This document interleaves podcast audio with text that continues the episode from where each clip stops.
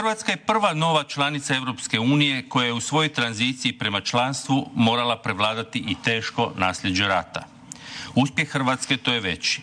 Ali upravo zbog toga i posebno ovom vremenu duboke krize u Europi, Europska unija može i sama sebi s ponosom čestitati. Uspjeh Hrvatske, uspjeh je Europe. Uspjeh Hrvatske, uspjeh je mirotvorstva kao najdubljeg temelja europskog ujedinjenja.